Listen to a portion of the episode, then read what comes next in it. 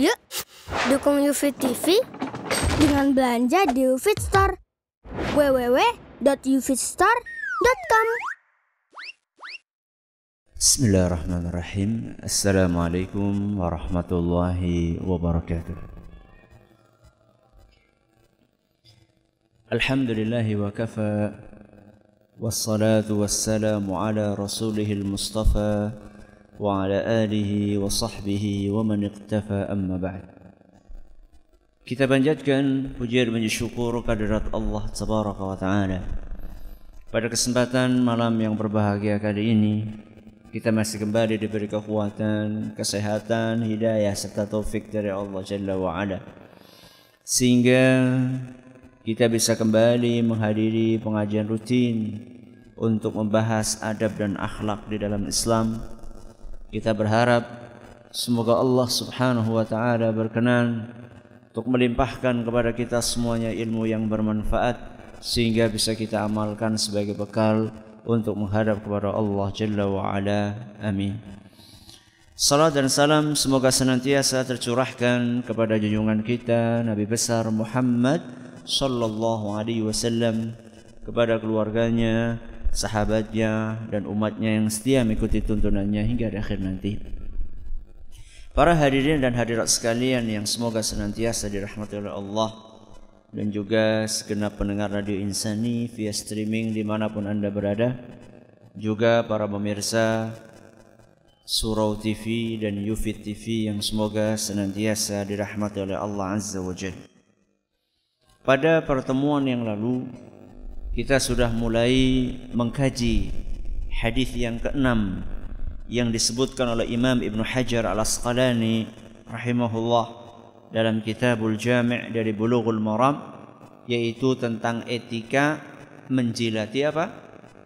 tangan setelah makan yaitu hadis yang diriwayatkan oleh Imam Bukhari dan Muslim an Ibnu Abbas radhiyallahu anhu qala qala Rasulullah sallallahu alaihi wasallam dari seorang sahabat Nabi SAW yang bernama Ibnu Abbas radhiyallahu anhuma dari Nabi SAW bahwasannya beliau bersabda idza akala ahadukum ta'aman fala yamsah yadahu. Andaikan salah seorang dari kalian selesai makan maka janganlah dia mengusap tangannya janganlah dia membasuh tangannya hatta yal'aqaha au yul'iqaha sampai dia menjilati tangannya atau menjilatkan atau menyuruh orang lain untuk menjilati tangannya. Hadis riwayat Bukhari dan Muslim. Pada pertemuan yang lalu kita sudah bahas tentang beberapa poin mengenai sunnah ini. Yang pertama bahwa waktu mempraktekkan adab ini. Kapan? Setelah selesai makan. Bukan di saat makan. Selesai makan, rampung, baru dipraktekkan adab ini. Kemudian kemarin juga kita bawakan makna yang dimaksud dengan menjilat itu apa? Hanya sekedar dijilat atau lebih dari itu? Jawabannya tergantung apanya? Jenis makanannya. Ada makanan yang menyisakan bekas di tangan yang sulit untuk dibersihkan kecuali dengan menghisapnya nyesepi. Maka dalam kondisi seperti itu bukan hanya sekedar menjilat, menjilat dan me menghisap. Dan khusus untuk menghisap ini ada sebuah riwayat di dalam kitab Al-Musannaf karya Imam Ibnu Abi Syaibah dari Jabir radhiyallahu anhu Qala Rasulullah SAW dari Jabir radhiyallahu anhu bahwa Rasulullah SAW bersabda, "Idza ta'ima ahadukum fala yamsah yadahu hatta yamussaha." Setelah kalian makan, maka jangan dia usap tangannya sampai dia menghisapnya. Ada riwayat bunyinya apa? Menghisap. Jadi bisa menjilat, bisa menghisap tergantung jenis makanannya. Kemudian poin yang lainnya yang sudah kita bahas pada pertemuan yang lalu adalah apa yang dijilati? Tangankah atau jari-jari? Jawabannya apa?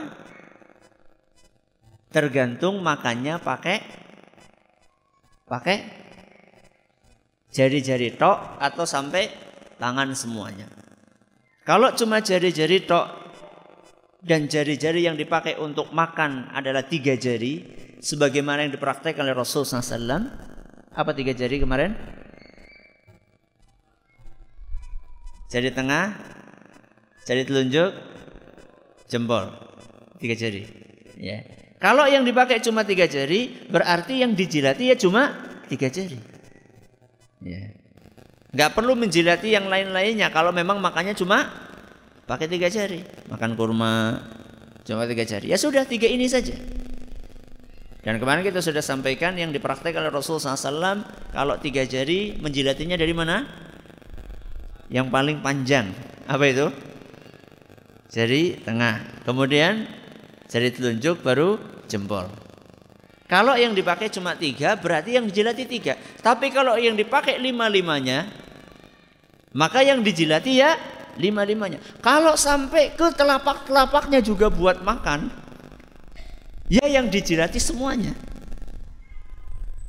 Yang dijilati semuanya, tergantung mana yang dipakai ketika makan. Ini poin yang kita bahas pada pertemuan yang lalu. Berikutnya poin yang terakhir adalah hikmah di balik menjilati tangan. Apa kemarin? untuk mencari keberkahan. Untuk mencari keberkahan karena Rasulullah SAW dalam hadis riwayat Muslim beliau mengatakan idza akala ahadukum falyal'aq asabi'ahu fa innahu la yadri fi ayyi ta'amihi barakah. Kalau kalian makan maka hendaklah kalian jilati tangannya karena dia tidak tahu di manakah letak berkah dari makanan yang dia santap. Apakah berkahnya ada di makanan yang sudah masuk ke perut atau justru berkahnya ada di sisa makanan yang menempel di piring atau di tangan atau bahkan yang jatuh di atas meja atau di atas lantai tempat kita makan. Ini yang pertama, hikmahnya untuk mencari berkah. Dan kemarin kita sudah kasih gambaran contoh berkah makanan apa? Tiga. Margi. Bikin apa? Kenyang. Terus? Terhindar dari efek negatif makanan. Karena makanan kadang-kadang membawa efek negatif. Yang ketiga apa? Membuat tubuh menjadi kuat dipakai untuk beribadah kepada Allah ini indikator keberkahan makanan yang masuk ke perut kita pada kesempatan kali ini kita masih akan melanjutkan hikmah dari dianjurkannya untuk menjilati tangan setelah makan. Kalau yang kemarin hikmah yang pertama yaitu untuk mendapatkan berkah. Kali ini kita akan mengkaji hikmah yang kedua, ketiga dan keempat. Ternyata nggak cuma satu. Hikmah yang kedua di antara hikmah kenapa Nabi SAW menganjurkan kita untuk menjilati makanan yang menempel di jari-jari kita setelah makan adalah untuk mengkikis penyakit sombong. Apa? Untuk mengkikis penyakit sombong. Kira-kira nyambung apa orang? Antara jilati sama sombong. Nyambung orang? Nyambung? Nyambungnya dipaksa apa nyambung temenan? nyambung. Kenapa nyambung Ustaz? Karena tidak sedikit orang yang tidak mau menjilati tangannya setelah makan. Karena apa? Gengsi. Loh, kaya wong kencoton temen. Lah, gue mau darani geragas. Karena gengsi. Padahal sebenarnya kata para ulama dalam kitab Umdatul eh, kata Imam Al-Khattabi dalam kitab Umdatul Qari ketika beliau ingin menjelaskan bahwa inilah sunnah Rasul SAW meninggalkannya tidak baik kata beliau apa orang-orang yang tidak mau untuk menjilati sisa makanan yang nempel di tangannya karena gengsi apakah dia tidak berpikir apa bedanya antara makanan yang tadi ada di piring dan sudah masuk ke perut dengan makanan yang tersisa yang nempel di mana? Di jari. Bedanya apa? Ada bedanya? Gak ada bedanya. Kenapa yang tadi di piring mau dimasukkan ke perut, sedangkan yang masih tersisa di jari gak mau dimasukkan ke perut? Apa bedanya? Sama makanan. Ketika kita memulai makan nasi goreng yang ada di dalam piring kita dan itu sudah masuk ke perut kita, yang tersisa di tangan kita nasi apa? Nasi apa? Nasi mambu? Nasi goreng. Ketika kita mulai makan yang kita makan nasi kebuli. Kemudian masih ada tersisa di tangan kita beberapa butir nasi. Nasi apa namanya? Kebuli. Gak ada bedanya. Kenapa kita pilih kasih makanan? Ya. Makanya kata para ulama bahwa di antara hikmah dianjurkannya untuk menjilati makanan yang menempel tersisa di tangan kita adalah untuk mengkikis penyakit sombong dari hati kita. Apalagi ego nafsu kita. Kita masing-masing punya nafsu. Ego nafsu kita itu memang memprovokasi kita untuk tidak patuh terhadap tuntunan Rasul SAW. Itu nafsu. Kita sudah baca hadisnya, riwayat Bukhari dan Muslim sahih hadisnya. Para ulama sudah menjelaskan dengan gamblang dianjurkannya mempraktikkan sunnah tersebut dari Nabi SAW.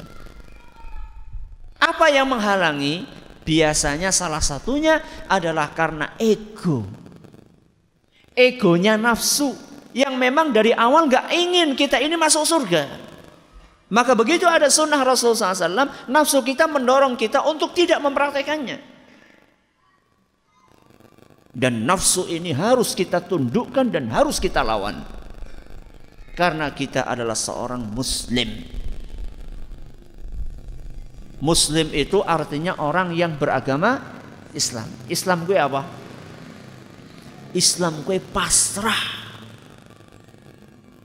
Islam itu salah satu maknanya adalah pasrah. Apa artinya pasrah? Pasrah menerima seluruh ajaran Islam. Itu namanya muslim. Makanya di dalam Al-Quran Surat An-Nisa ayat 125 Surat apa?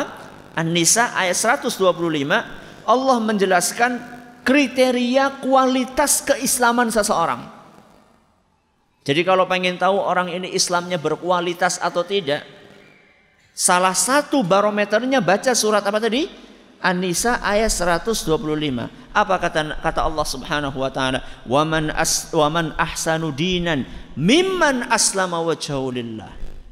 Tidak ada orang yang kualitas keislamannya lebih baik dibandingkan orang-orang yang berserah diri kepada Allah.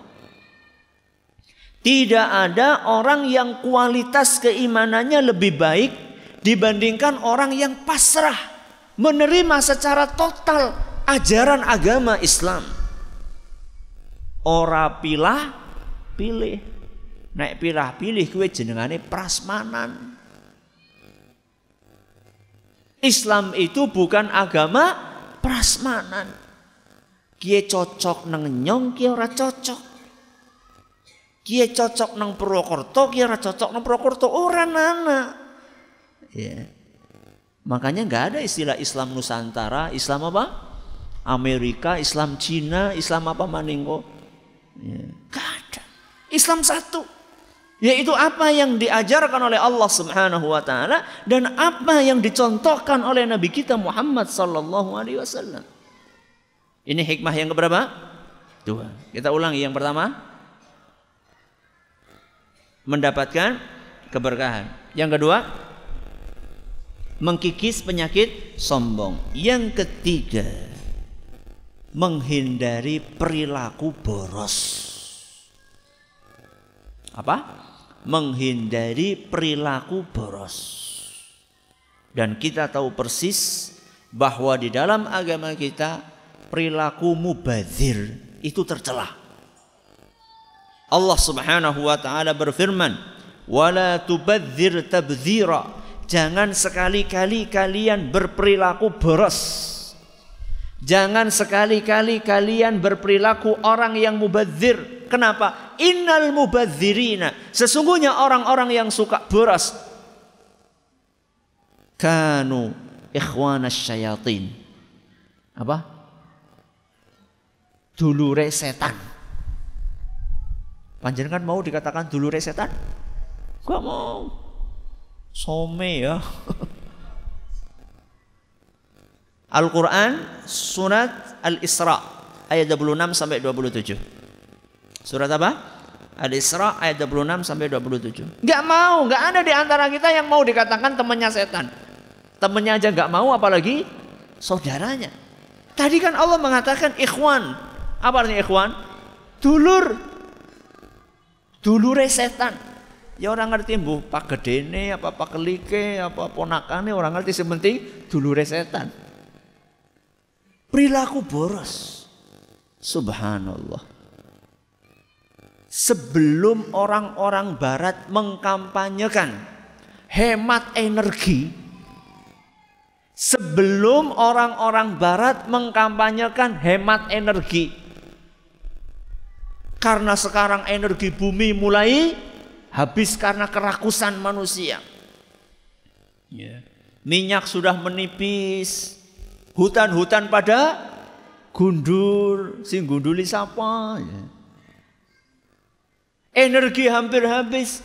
Sebelum orang-orang barat kampanye itu, 15-14 abad yang lalu Nabi kita Muhammad SAW sudah mengajarkan hemat energi.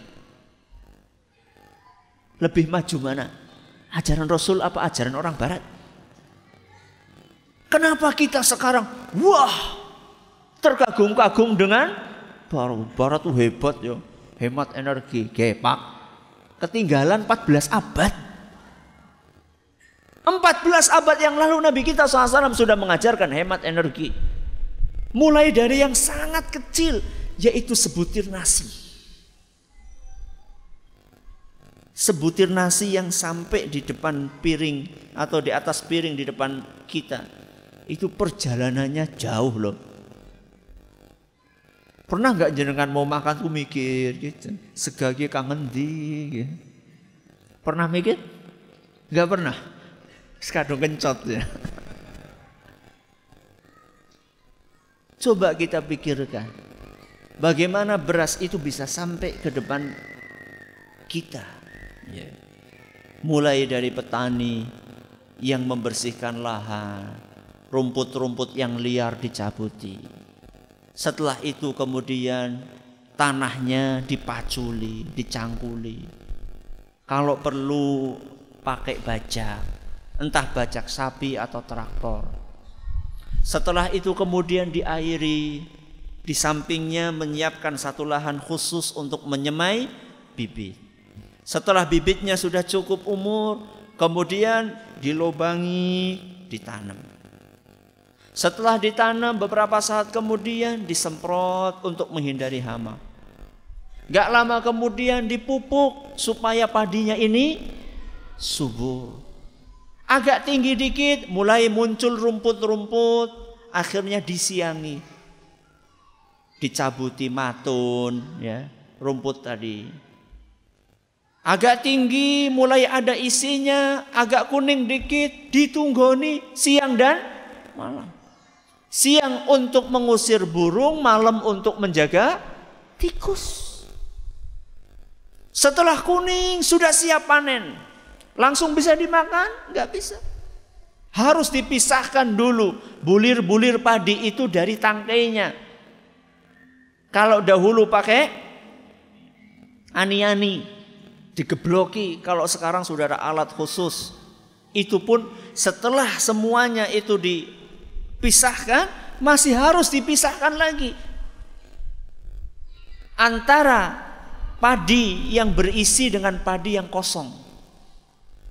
Cukup sampai di situ? Tidak. Itu padi masih basah, maka perlu untuk dijemur sampai kering. Setelah kering dimasukkan ke karung, setelah dimasukkan ke karung nggak bisa langsung dikonsumsi, harus diapakan? Harus diselipkan. Dipisahkan antara isinya beras dengan kulitnya beras. Bisa langsung dimakan? Enggak. Harus ditanak dulu. ketika akan menanak butuh gas. Perjalanan gas berapa lama?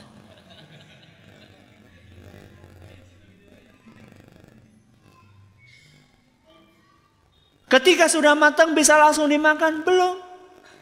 Harus dipindahkan dari panci ke mana? Ke piring. Bisa langsung dimakan? Tidak. Harus memindahkan dari piring ke mulut. Bisa langsung ditelan? Tidak. Harus dikunyah dulu. Coba panjenengan bayangkan. Perjalanan satu butir nasi itu berapa bulan? Sampai bisa masuk ke perut kita. Kenapa kita buang-buang itu nasi? Ada seorang kakek. Ini dikisahkan oleh Syekh Abdul Karim Al-Khudair. Hafizahullah Ta'ala. Ketika beliau sedang ceramah, beliau bercerita tentang efek dari perilaku mubazir. Beliau bercerita, ada seorang kakek lewat tempat sampah di sebuah negara. Di sebuah negara Arab. Ternyata dia melongok di sampah itu ada nasi. Banyak. Dan ada daging kambing lengkap yang dibuang di situ. Maka kakek maka kakek tersebut pun berhenti melihat makanan yang dibuang seperti itu dia nangis. Nangis dan terus nangis. Orang-orang yang lewat terheran-heran, ngapain dia nangis di samping apa? Tempat sampah. Maka kemudian ada salah satu di antara orang yang lewat penasaran dan bertanya, "Kek, kenapa kamu menangis?" Kata beliau, "Demi Allah, demi Allah, saya pernah melihat seperti ini persis." Yakni melihat di tempat sampah dibuang nasi beserta dengan lauknya. Beberapa puluh tahun yang lalu. Di mana kek? Di Palestina. Di Palestina. Sebelum Palestina dijajah oleh orang Yahudi. Saat itu kondisi sedang makmur-makmurnya. Akan tetapi mungkin sebagian dari penduduknya lupa untuk mensyukuri nikmat tersebut sehingga ada sebagian dari nikmat itu yang mereka buang. Dan lihat bagaimana Allah Subhanahu wa taala menguji saudara-saudara kita di Palestina puluhan tahun sampai sekarang dengan penjajahan dari orang Yahudi. Jangan pernah meremehkan perilaku mubazir.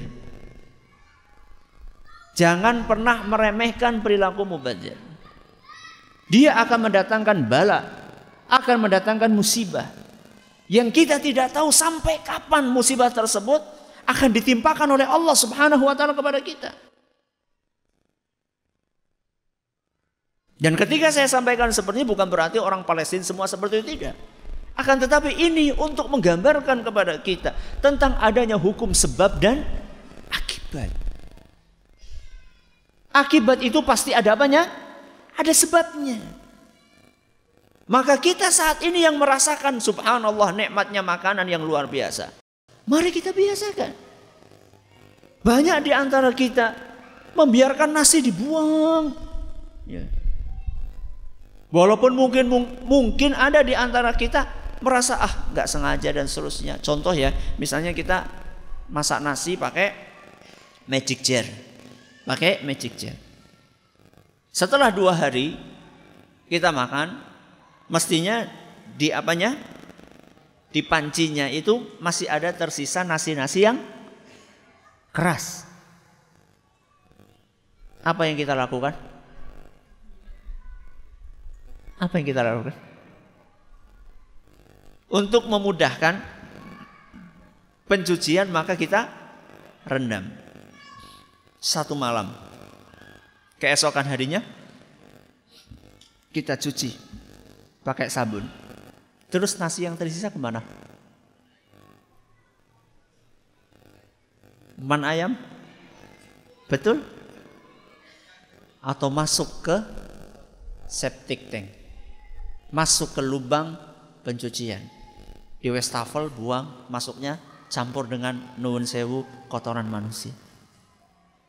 Itukah yang kita lakukan? Kenapa kita tidak berpikir, oh ini ada nasi lumayan. Kalau misalnya dikumpulkan bisa nggak sampai segini? Bisa. Bisa kita kumpulkan sampai segini. Ya. Kenapa kita tidak capek sedikit? Kita tadahi itu nasi, kita taruh di mangkok, pagi hari ayam tetangga pada lewat. Kalau nggak punya ayam, kemudian kita panggil ayam tersebut, kur kur kur kur kur kur. Kemudian kita kasih. Dapat pahala? Dapat pahala dan terhindar dari azab Allah Subhanahu wa taala. Mungkin itu terlalu tinggi ya. Sudahlah kita sekarang yang gampang-gampang saja. Makan. Kita makan ini bersih enggak? Ya bukan maksudnya karo lombok-lombok ke, karo ke. Sudah sekarang nasi aja nasi. Ketika kita makan bersih. Atau masih ada tersisa nasi banyak gitu. Kita nggak usah ngomong yang jatuh-jatuh lah. Yang di atas piring saja. Yang di atas piring saja coba. Masih banyak di antara kita kalau makan tuh nggak bersih. Bahkan kadang-kadang nggak bersihnya itu sampai separuh. Wis ngerti mangane setitik jukute oke. Okay. Dan ada sebagian orang yang memang sengaja menyisakan itu. Terutama ketika sedang kondangan. Ketika sedang kondangan. Sengaja dia makan tidak dihabiskan. Ya tadi itu. Gengsi. Ya. Kalau misalnya saya makan sampai habis oh keton banget kayak wong kencoten gitu. Padahal memang kencot. Kenapa kita mesti gengsi? Bersih, sebersih-bersihnya. Kalau bisa dan usahakan jangan tersisa satu butir nasi pun. Habiskan semuanya. Ustadz nggak kuat Ustadz, mulane jukutnya aja kayak disit. Kalau memang tahu kita ini agak kenyang, ngambilnya sedikit aja. Dan biasakan itu kepada anak-anak kita.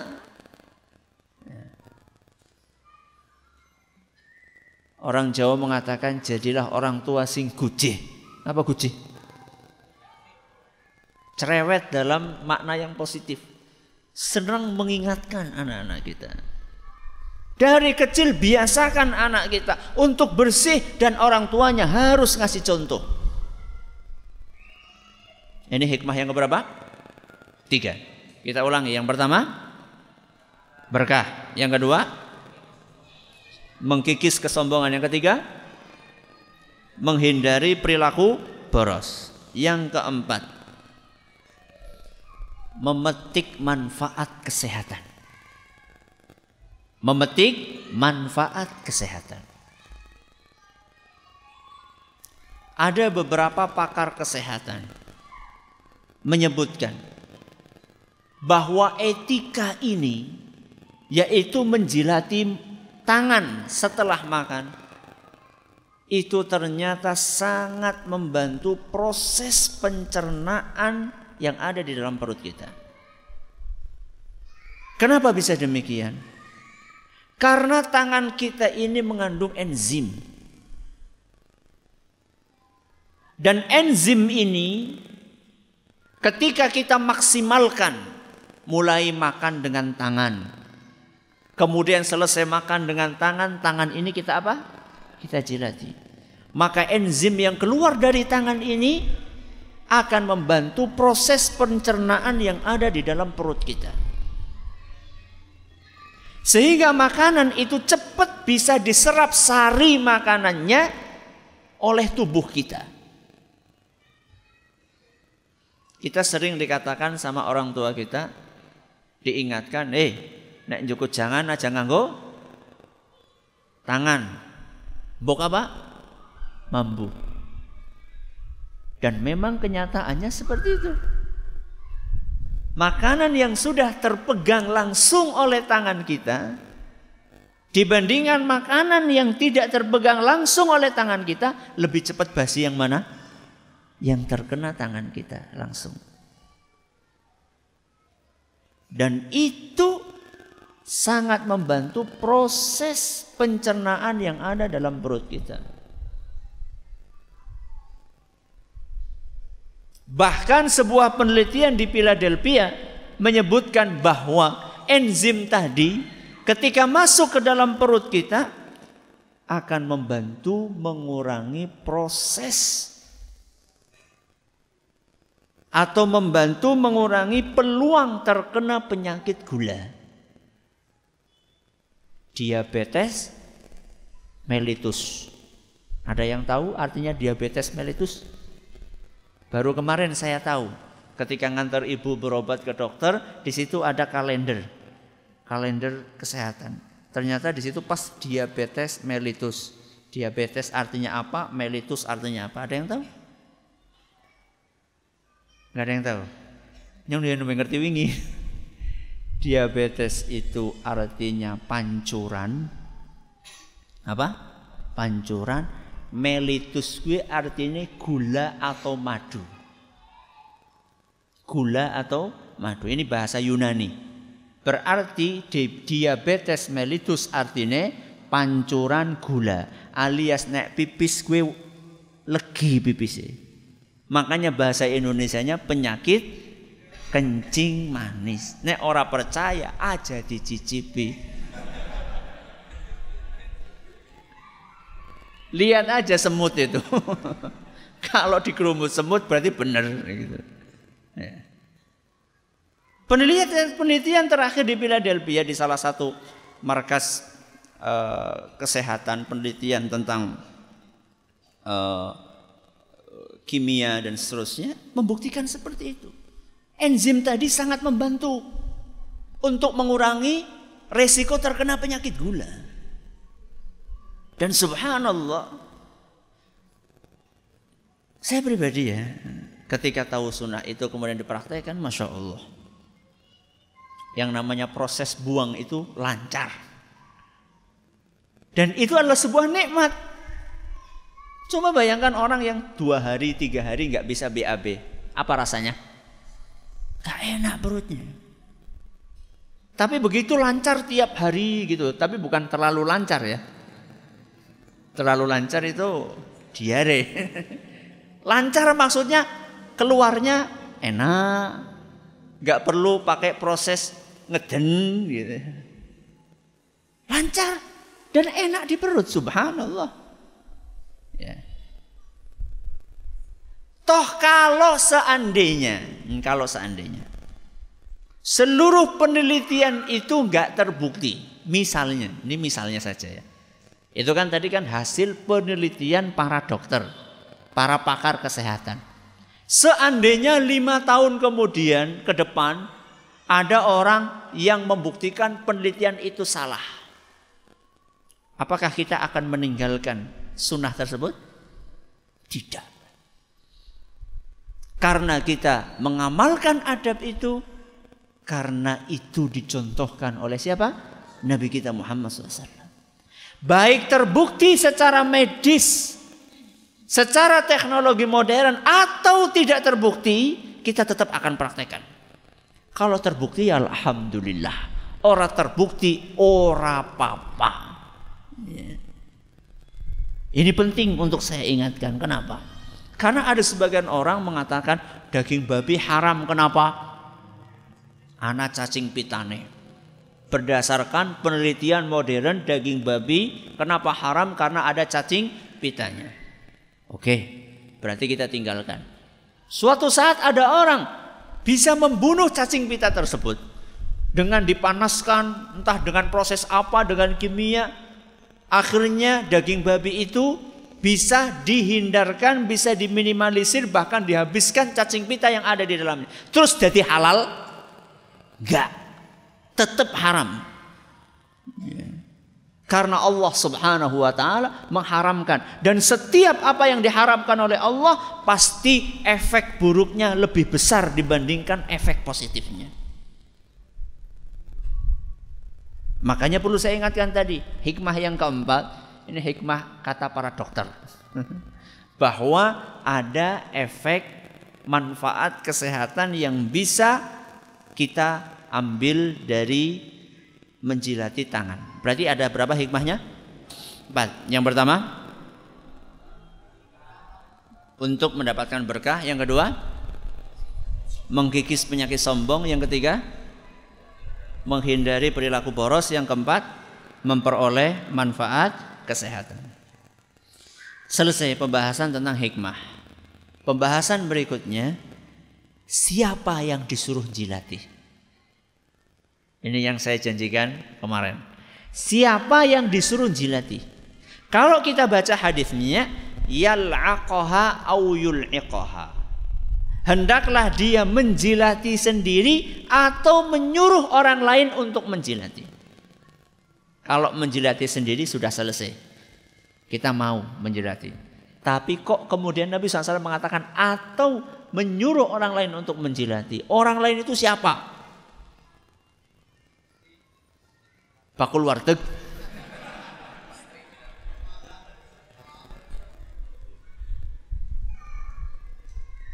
Kata para ulama sebagaimana yang disebutkan oleh Imam Nawawi rahimahullah beliau mengatakan hendaklah yang menjilati itulah orang-orang yang dekat dengan kita.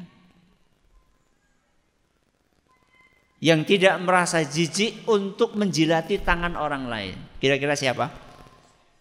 Istri, suami, siapa mending? Anak, ya.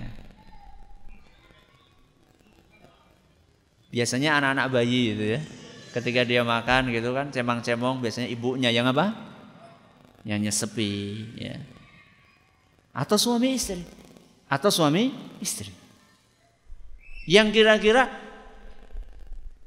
hubungan batinnya, ya, kasih sayangnya itu mengalahkan itu semuanya. Mengalahkan perasaan-perasaan tadi itu jijik dan seterusnya. Jadi nggak sembarang orang ya, nggak sembarang orang. Saya khawatir nanti malah tukaran kok. Tukaran karo bakul warteg. ya. Ini sunnah Rasul ini. Kamu harus jilati. Nyong bayar. ya. Ini siapa yang menjilati? Ah, bagaimana seandainya kita meninggalkan adab ini? Kalau seandainya kita tidak lakukan adab ini, apa konsekuensinya? Pertama, adab ini hukumnya apa? Wajib atau sunnah? Karena tadi Nabi SAW kita bawakan memerintahkan kita. Ini perintah dari Rasul SAW. Selesai makan, sebelum diusap, sebelum dilap, atau sebelum dibasuh, supaya dijilat. Ini perintah dari Nabi SAW. Hendaklah dia menjilatinya atau menyuruh orang lain menjilati. Perintah dari Rasul. Perintah ini konotasinya wajib atau sunnah mayoritas ulama, jumhur ulama berpendapat bahwa perintah itu bermakna sunnah. Apa? Sunnah. Berarti kalau sunnah ditinggalkan dosa atau tidak? Tidak dosa. Tapi tidak dapat pahala. Ini menurut mayoritas ulama. Ada sebagian ulama yaitu madhab zahiri. Madhab apa? Zahiri. Imamnya namanya Abu Dawud Al-Zahiri. Baru dengar ya? Baru dengar. Jadi madhab itu nggak cuma empat. Ya, madhab itu nggak cuma madhab apa? Hanafi, Maliki, Syafi'i, Hambali. Nggak cuma empat. Madhab itu lebih dari empat. Madhab zahiri mengatakan wajib. Mengatakan apa? Wajib. Kenapa? Karena perintah Rasul SAW. Dan aslinya perintah Rasul itu menunjukkan wajib. Milih yang mana? Wallahu alam bisawab. Mana yang lebih kuat di antara dua pendapat ini? Saya belum sempat untuk mengkaji lebih lanjut. Ya. Qadarullah wa masya'afal tadi waktunya mepet banget. Dari pagi sampai siang tadi ada acara, akhirnya cuma pada asar saja waktunya tadi saya untuk membaca, mengkaji. Saya belum sempat untuk lebih mengkaji lebih ulang mana yang lebih kuat antara dua pendapat ini. Tapi intinya tidak ada ulama yang tidak menganjurkan. Semuanya me menganjurkan. Walaupun ada yang mengatakan wajib dan ada yang mengatakan sunnah. Tapi kadang-kadang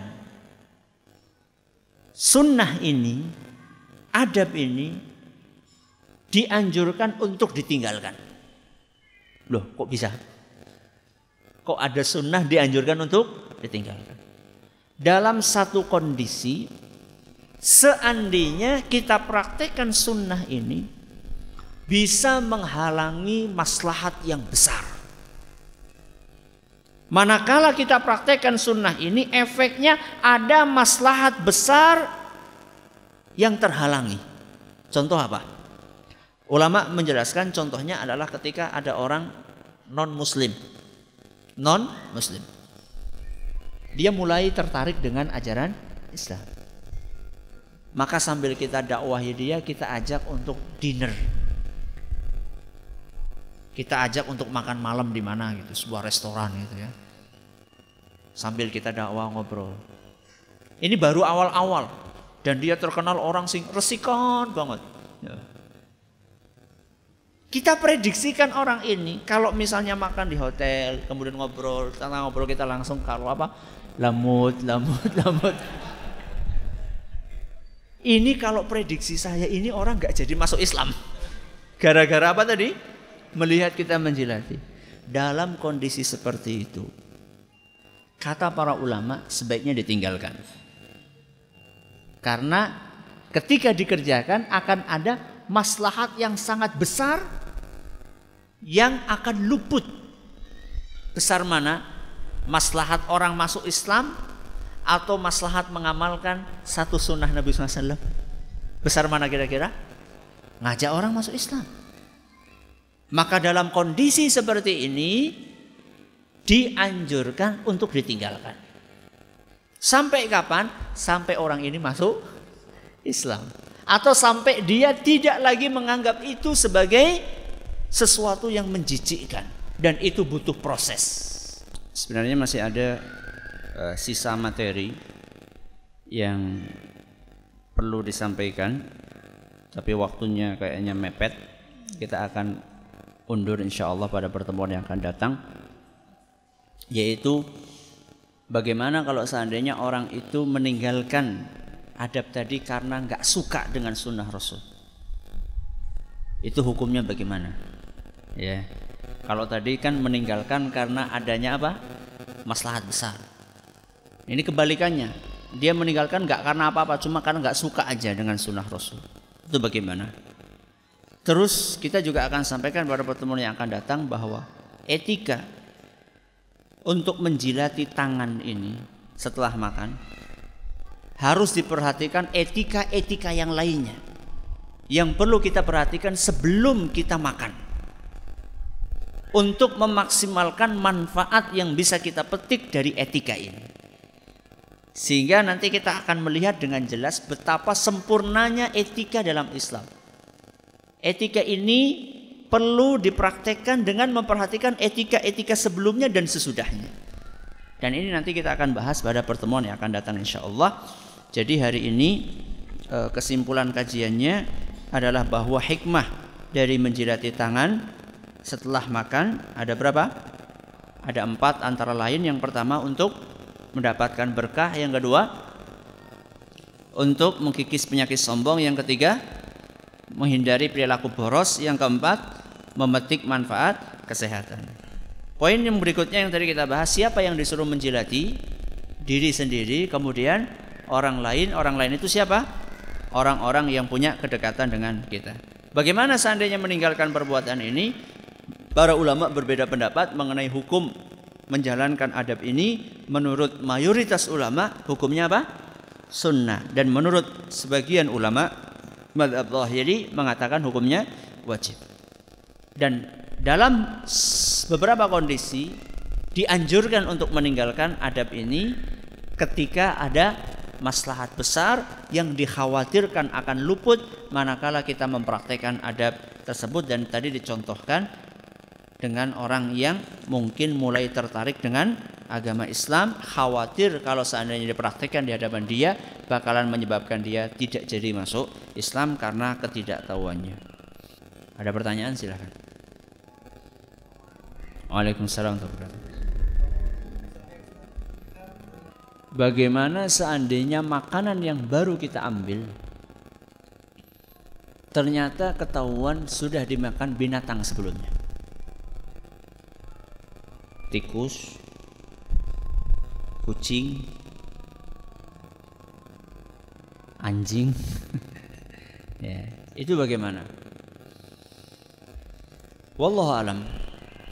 Seandainya kita merasa ini akan menimbulkan bahaya. Penularan penyakit. Kalau tikus bikin penyakit apa? Pes misalnya. Maka dalam kondisi seperti itu jangan dibuang tapi diberikan kepada binatang. Dari binatang untuk binatang. Ya, jangan di dibuang. Kalau kita mengkhawatirkan itu akan menimbulkan penyakit buat kita. Wallahu a'lam Ya, ada yang lain? Apakah semua sunnah bisa ditinggalkan? Kalau seandainya kondisinya menghalangi maslahat yang lebih besar. Imam Bukhari, Imam Bukhari ketika membawakan hadis bahwa Nabi SAW tidak jadi merenovasi Ka'bah. Perlu diketahui bahwa Ka'bah itu asli bentuknya itu adalah bukan persegi empat seperti ini. Akan tetapi persegi empat plus dengan setengah lingkaran. Jadi bentuknya bukan kayak gini, tapi di atasnya ada setengah lingkaran. Itu aslinya Ka'bah yang dibangun oleh Nabi siapa? Ibrahim alaihissalam. melalui berbagai macam proses renovasi Ka'bah itu. Di antara renovasi terakhir, di antara renovasi terakhir adalah renovasi yang dilakukan oleh suku Quraisy. Yang dilakukan oleh suku Quraisy. Dan mereka tahu persis dan saat itu mereka masih musyrik. Sebelum Nabi kita diangkat menjadi roh rasul. Dan saat itu suku Quraisy mereka sepakat untuk tidak mendonasikan dana buat renovasi Ka'bah ini kecuali dana yang bersih. Jadi tidak menerima dari pelacur, tidak menerima dari hasil penjualan minuman keras, tidak menerima dari hasil judi. Pokoknya yang bersih itu saja. Dan ternyata donasi yang dikumpulkan nggak cukup karena saking bersihnya dana yang dikumpulkan sehingga yang subhat-subhat itu ditolak. Karena nggak cukup akhirnya yang setengah lingkaran tadi tidak ditembok sampai tinggi. Cuma dikasih apa? Tanda saja yang sekarang sering kita lihat. Diistilahkan dengan hijir Ismail. Ketika Rasulullah SAW diangkat menjadi nabi, kemudian ghanimah, harta rampasan perang banyak, berarti ada danakah untuk mengembalikan bangunan Ka'bah seperti aslinya? Ada nggak? Ada. Tapi tidak dilakukan oleh Nabi SAW. Alasannya apa? Alasannya kata Rasul SAW ketika ditanya oleh Aisyah radhiyallahu anha, kenapa tidak dikembalikan Ka'bah ini seperti aslinya? Kata beliau, karena saya takut orang-orang Quraisy yang baru masuk Islam murtad. Berarti ada maf, mafsadah. Ada efek negatif besar. Kenapa bisa murtad? Mereka akan mengatakan, apa-apa diubah, apa-apa diubah. Nanti Ka'bah ya diubah. Akhirnya mereka dikhawatirkan murtad. Maka Nabi SAW meninggalkan sesuatu yang hukumnya sunnah. Imam Bukhari mengambil kesimpulan dari hadis itu bahwa diperbolehkan untuk meninggalkan sesuatu yang sunnah demi untuk menghindarkan mafsadah yang besar atau mendatangkan maslahat yang lebih besar. Contoh menghindarkan mafsadah apa? Sunnahnya memakai sandal ketika sholat. Memakai sandal ketika sholat itu sunnah loh. Hadisnya sahih dan ijma para ulama bahwa itu sunnah. Tapi kalau kita praktekkan sekarang, masuk ke masjid yang ada apanya? Karpetnya. Blok, blok, blok, blok, blok, blok. Kira-kira kepriwe? Pulang tinggal sandal. Berarti kan ada mafsadah. Maka sunnah ini nggak apa-apa ditinggalkan. Apalagi memang sholat itu Nabi kadang pakai sandal, kadang pakai tidak, eh, kadang tidak pakai sandal. Berarti sholat nggak pakai sandal, sunnah atau tidak? Sunnah. Berarti kan sama-sama sun, sunnah. Maka dalam kondisi seperti itu tidak apa-apa ditinggalkan sunnah kalau seandainya menimbulkan apa? mafsadah yang besar atau bisa menghalangi didapatkannya maslahat yang lebih besar akan tetapi tentunya tetap kita jelaskan proses kepada umat masa ditinggalkan terus? Kapan umat akan tahu? Kapan umat akan tahu? Tetap kita berusaha menjelaskan kepada umat ketika mereka siap kita praktekkan. Wallahu a'lam bisawab Terima kasih atas perhatiannya, mohon atas segala kurangnya. Kita tutup dengan membaca subhanakallahumma wa bihamdika. Asyhadu an la ilaha illa anta. Astaghfiruka wa atubu ilaik. Assalamualaikum warahmatullahi wabarakatuh.